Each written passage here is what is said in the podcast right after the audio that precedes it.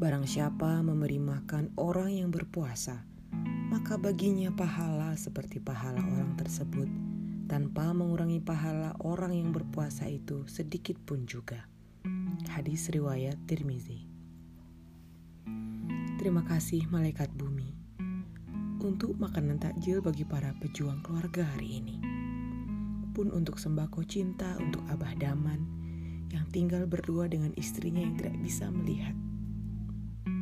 Emak Wiwin yang mengurus anak yatim. Ibunda sang yatim kerja di Bandung dan sekarang sudah dirumahkan. Bapak Ating, buruh bangunan, pengurus juga Tadinya buruh bangunan di luar kota, sekarang sudah tidak bekerja. Mereka yang tidak tahu akan buka puasa dengan apa, alhamdulillah rezeki datang. Sedikit lega untuk buka dan sahur beberapa hari ke depan. Terima kasih, malaikat bumi. Semoga pahala kebaikan terus mengalir untukmu. Salam takzim dari kami. Mari terus berbagi. Salurkan bantuan Anda melalui Panda Garut.